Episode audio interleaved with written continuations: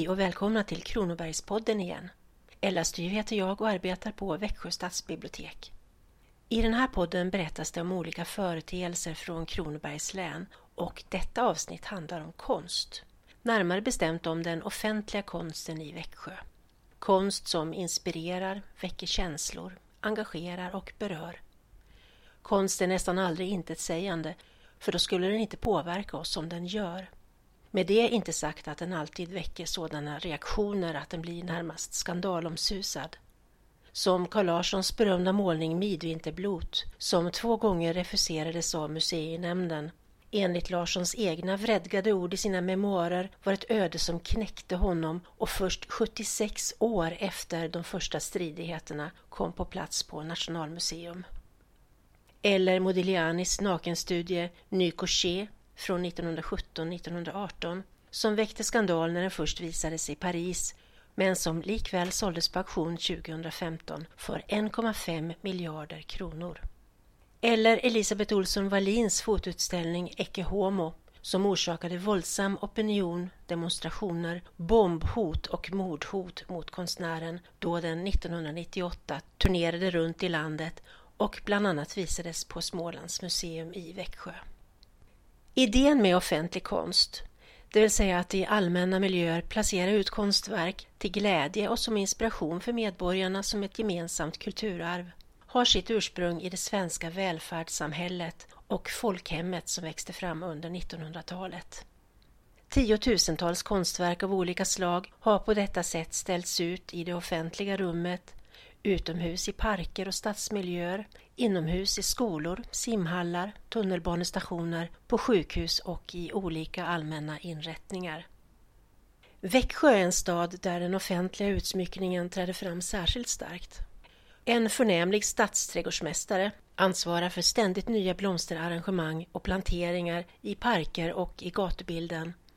Och vad gäller konsten så finns ett flertal olika konststråk att följa. Runt om Växjösjön löper Växjö Art Site där för närvarande fem olika konstverk, framröstade av Växjöborna själva, står utplacerade bland andra äldre monument och minnesmärken. På samma sätt kan man njuta av konst ifall man vandrar runt sjön Trummen. Och inne i centrum kan man på Sandgärdsgatan följa glaskonststråket och ta del av sju olika konstnärers verk. Är man intresserad av litteratur så finns det författarcitat av lokala författare nedlagda i trottoaren på Klostergatan, Storgatan och Västergatan. Därtill finns ytterligare två citat vid stadsbiblioteket, ett på byggnadens fasad och ett på marken till höger vid ingången, som blir belysta när det mörknar. För att få full information om var alla konstverk finns kan man lättast googla på Offentlig konst Växjö då får man länkar till både Växjö kommun och Växjö konsthall och där kan man också gratis ladda ner en app till sin iPhone eller Android-telefon där man på en kartbild ser ett hundratal utmärkta konstverk i staden och får bild och information om vart och ett av dem. Där kan man också ladda ner en audioguide för Växjösjön till sin mobiltelefon eller mp3-spelare för att få lyssningsbar vägledning och information under sin promenad runt densamma. Hej, jag undrar, har ni några favoriter bland konsten här i stan? Eh, mitt favoritkonstverk är nog Bronskvinnorna som står vid eh, konsthallen. Eh, mitt är Gubbarna vid sjön eller, som, som är runt Växjösjön. När jag brukar cykla till jobbet så cyklar jag förbi Växjösjön och där finns det en, eh, en plats där man kan sitta. Så de har gjort väldigt fint, så den tycker jag om. Ja, de på Sand Sandgärdsgatan är ju himla mysiga att gå och titta på. Och sen har vi ju de runt Växjösjön med ju. Som tjejerna där som står. Otroligt vackert tycker jag. Ja, mitt favoritverk är det som står i södra änden av, av eh, Växjösjön. Torbjörn Pettersson tror jag han heter. Jag kommer inte riktigt ihåg namnet. Med Johansson. Med kvin- massa människor som står med en liten flicka med en kjol som står och tittar ut över sjön så här. Det, åh, jag älskar den. Mm. Mitt favoritkonstverk som är offentligt då, det är den med massor med barn som står vid sjön. Eh, där det finns lite flickor med kjol då som står och tittar ut genom sjön. Jag tycker den representerar en härlig sommarkänsla. Eh, så det är verkligen min favorit och det representerar Växjö tycker jag också. Lite så, för det finns många sjöar och det där. Så det är min favorit.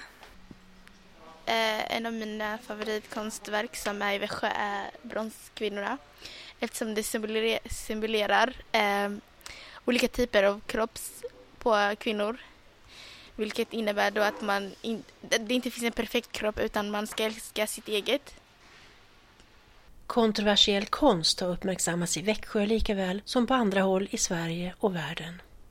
På 1950-talet var det Carl Milles monumentalskulptur Dackes dröm som väckte infekterad debatt eftersom historiesynen på Nils Dacke fortfarande var kluven. Milles dog innan verket var färdigt och hans vän Axel Wallenberg slutförde det.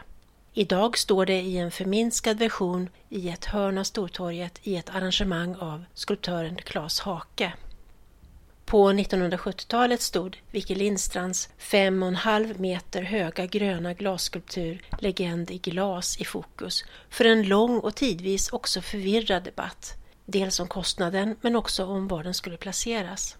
Den var ursprungligen tänkt att stå på Stortorget men är idag placerad på det lilla torget mellan Konsthallen och Konserthuset. 2006 kom de berömda bronskvinnorna på plats utanför Växjö konsthall, formgivna av Marianne Lindberg de Geer. De symboliserar samtidens kroppsfixering i det att de utgör motpoler till varandra. Den ena kvinnan är kraftigt överviktig och den andra anorektisk. Båda avbildar konstnärens eget ansikte och konstverkets egentliga namn är Jag tänker på mig själv eftersom kvinnorna står vända så att de betraktar varandra. Också den här gången blev det våldsamma reaktioner bland allmänheten. Konst berör och provocerar. 2014 var det dags för debatt igen. Då medverkade konstnären Susanna Arvin på en konstutställning med en skulptur som hon hade gjort baserad på Hans Runessons berömda foto Kvinnan med väskan som avbildar en uppbrakt kvinna som under en demonstration 1985 för Nordiska rikspartiet just i Växjö dänger sin handväska rakt i huvudet på en av demonstranterna.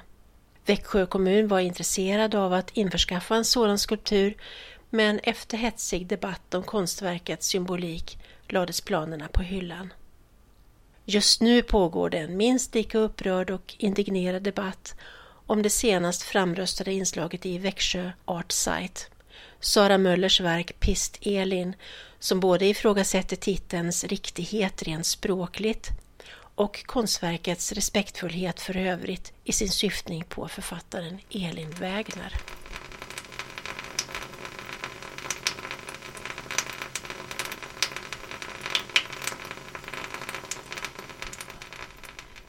Ja, konst är laddat.